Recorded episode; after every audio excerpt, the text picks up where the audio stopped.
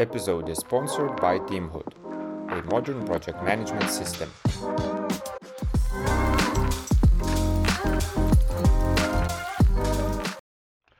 Uh, welcome back. Hello, everyone. Uh, we're still in Agile uh, Day Kaunas 2023. It's uh, almost at the end of the workshops and, and the day in general. But still have a guest with me together. Uh, hey, Kevin. Uh, maybe you can just briefly introduce yourself. Yes, uh, my name is Kevin Pedersen. I'm an agile coach in South Africa, in Cape Town, uh, and I've come up here to visit your beautiful country and uh, uh, yeah, come to this conference as a Mhm. guest speaker. Yeah, and we just briefly touched, you know, that you this is the first time you're on the Lithuanian and this uh, workshop, like conference. How do you see it? How do you like it, or maybe not? No, I, I think it's really good. Uh, I haven't seen much of uh, the country itself. Uh, Mhm. I only flew in very late last night, uh, so I missed out on some of that maybe, but hopefully experience a bit more tonight and tomorrow. Um, the conference itself, I think, is really well run. Uh, it's, it's very good. I like the fact that they've, they've got the three tracks running simultaneously, so the two workshops and an open space. It's a great idea. I haven't seen that before.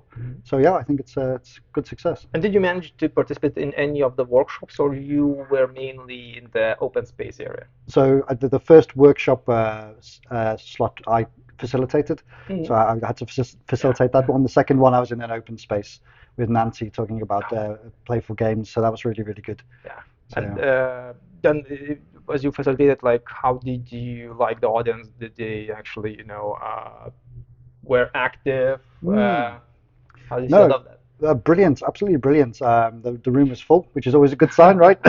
Oh, It's yeah. always the one thing you worry about when you're a facilitator. Is anyone actually going to turn up? Um, uh, the one- the one thing I found really strange is normally when I'm facilitating a workshop, I like to walk around the tables and listen to the conversations. Mhm. I couldn't understand anything I was saying. Okay, so they were mainly all the Lithuanians, and they speak in. That- Yeah, yeah, I a think shame, so. So, but no, it's fine. I mean, it's it's a you know, it was about the conversations they were having, Yeah. and and when they gave the feedback, it was all in English, and Mhm. and so that was that was great.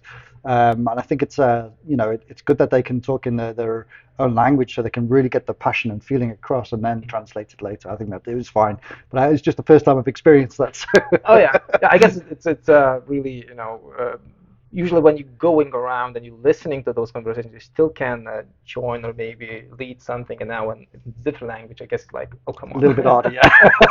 what to do now for these five or ten minutes? yeah. Uh, cool. And uh, in open space, I guess uh, if you didn't join Agile Day Kaunas this year, we have three different tracks, and even in open space. So there's uh, two workshops and 3 Mhm. different tracks in open space. So there's a lot of uh, places where you can be and where you can join and, and listen or just uh, you know co-create with others.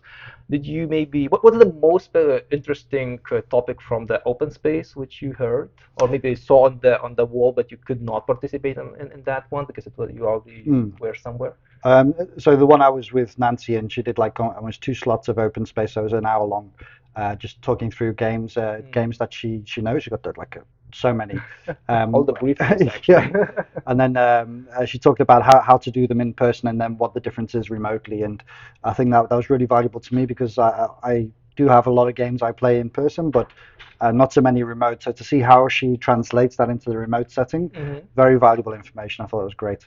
Yeah, I, I managed to participate uh, just uh, for 10 maybe minutes, 20, not the whole hour, but I, I love that because it, it's like she adopted those games, so I think, which which many of us maybe knew and maybe played with the friends, but then uh, she said that yeah, it's it's uh, it can be valuable in the virtual world, and uh, what even this game could bring you for you as a facilitator or the scrum Mhm. master or the leader, because one of the other game actually sh- can show you the behavior, uh, how the team collaborates and stuff like that. So that's that's uh, interesting. Um, yeah, and maybe did you uh, like which of those games you mostly like uh, like, or maybe you have your own game which you still prefer more than of those? Um, so, I mean, my favorite go-to game when is is um, when I'm training Kanban and we want to teach the concept of flow, and we talk about Mm. you know the uh, the plane building or ship building game, Yeah. both very similar games.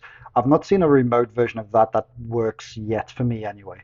Uh, so that's one I'd still like to to see happen. But some of the ones Nancy uh, showed us uh, some great energizers actually, uh, which i you don't really think about too much when you're doing remote Mhm. work. Um, so how to do like uh, counter 33 remotely and things like that is quite a valuable thing. Yeah, Oh, yeah. because quite often it's so easy when you're doing remote work. It's so easy to forget about energizers. They're still really important. Yeah, and that's actually a really good question. So, well, I know and I feel strongly that it's really important to have energizers, to have uh, those team activities, games, gamification. Uh, well, I guess you are on the same page. This Mhm. should be included in our workday and, and, and 100%. Yeah, absolutely. remote and live, I guess. Yes, Both, both both, ways. There should not be difference. No. Come on. yeah. So uh, cool. Uh, there's still some time. Uh, maybe what you expect to have at the end of the day. Uh, So I've, I've got an open space myself to talk about um, a little bit about what the Agile Mastery Institute is and how we're trying to disrupt certification process Mhm. uh, the industry, and talk about are Scrum Master certifications even useful now? Uh, what is you know what is the the perception of people out there? Mhm. And I've already heard quite a few people talk about it already. So I think I'm hoping that brings some nice debate. Mhm. Um, and then uh, I think that's more towards the end of the open space, and then And, Yeah. and while you bring this topic, uh, you more, I think you even when you presented this topic, if I remember correctly, you, you, you want to gather this, you know, how people value the certifications, do they need, if they need, what they want to achieve. Is that right? Absolutely. So, so like uh, we all know that uh, it's fairly easy to get a Scrum Master certification. You take a two-day course, you're a certified Scrum Master. It doesn't mean you're a good Scrum Master, but it feels like everybody feels the need to have a certification. Or most companies, when they look for a Scrum Master, the first thing they look for is, do you have a certification? Mhm. Why is that? Why? Okay.